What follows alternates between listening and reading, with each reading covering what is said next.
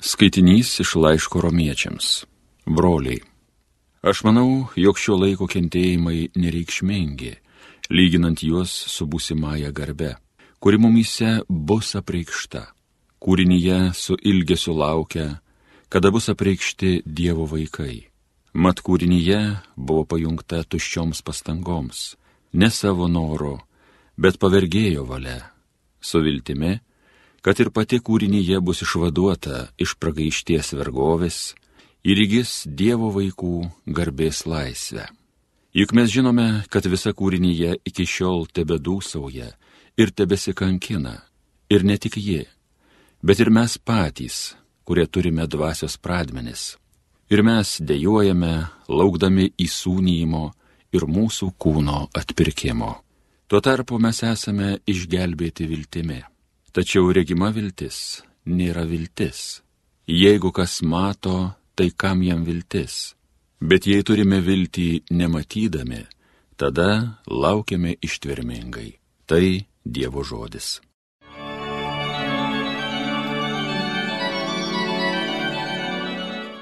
Tikrai mums viešpats stebuklą padarė. Kai iš nelaisvės viešpats mus vedė, atrodė mums sapnas. Netvėrė džiaugsmo mūsų lūpos, liežuviai linksmybė. Tikrai mums viešpats stebuklą padarė. Tada pagonys kalbėjo, jiems viešpats stebuklą padarė. Tikrai mums viešpats stebuklą padarė, mus aptvindė linksmybę. Tikrai mums viešpats stebuklą padarė. Kreipk viešpatie mūsų likimą, tarytum pietuos patvinus į srautą su ašara beriamas grūdas, bet džiaugsmas pjūčiai atėjus. Tikrai mums viešpats stebuklą padarė. Žmogus eina ir verkia į dirvą neždamas sėklą, bet grįžta ir eidamas džiaugias, derlingų nešinas pėdu. Tikrai mums viešpats stebuklą padarė. Alleluja.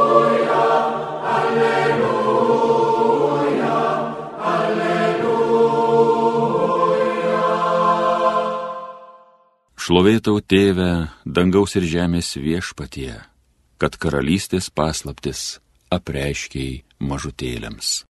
Alleluja, alleluja, alleluja. Iš Evangelijos pagal Luką Jėzus kalbėjo, į ką panaši Dievo karalystė ir su kuo man ją palyginti Ji panaši garsyčiaus grūdą, kurį ėmė žmogus ir pasėjo savo darže. Jis išaugo į medelį ir, ir padangių sparnuočiai, susisuko lizdus jo šakose. Jis vėl tarė, su kuo man palyginti Dievo karalystę. Ji panašiai yra auga, kurie ėmusi moteris, įmaišė į tris saikus miltų ir nuo jo viskas įrūgo.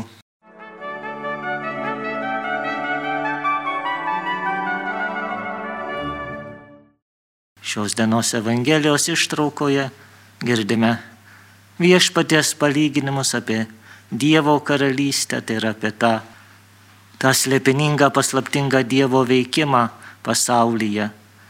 Ir kaip suprantame iš palyginimų ir apie garstyčios grūdelį, ir apie tris saikus miltų, ir, ir nuo raugo, kuris viską įraugina, kad tai yra iš pažiūros mažas, mažas dalykas, pasaulio žmogaus akimis tai beveik nepastebima, tačiau šitie maži dalykai duoda didžiausią vertę atėjus laikui. Kaip sakė šventoji kūdikėlio Jėzaus Teresė, patys mažiausi dalykai padaryti su meile yra patys didžiausi.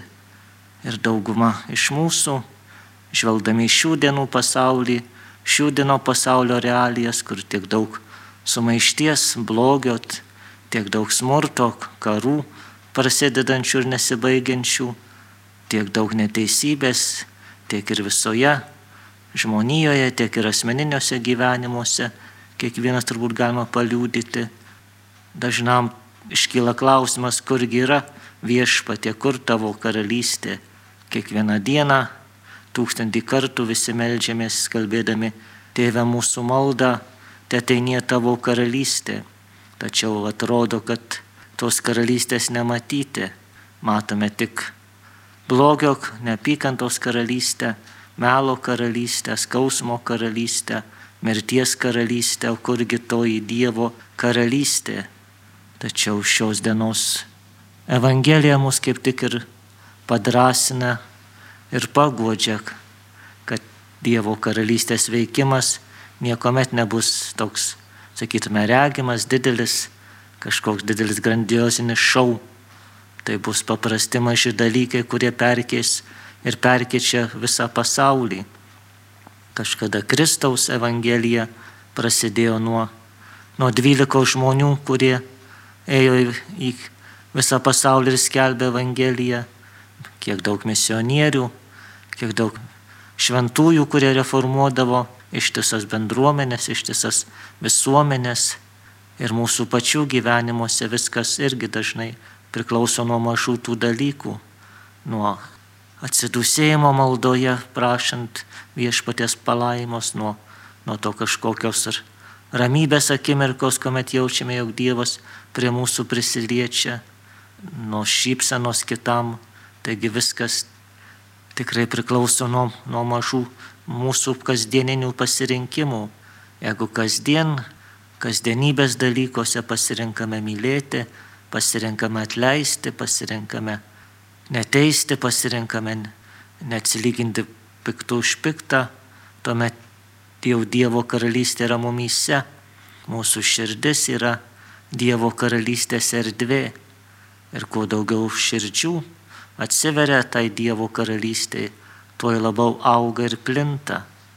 Taigi šiandien prašykime viešpatės tos malonės, kad, kad mūsų širdis būtų Dievo karalystės teritorija, kad nebūtume uždarę savo sienų Dievo maloniai, kad, kad įsileistume viešpatį savo gyvenimus.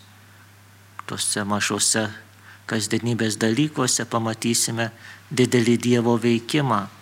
Tad prašykime tos malonės, prasidedant visų šventųjų iškilmiai, kad visi šventieji tie mažieji Dievo, Dievo karalystės grūdeliai, kad jie būtų mūsų užtarimas ir mūsų pavyzdys. Amen.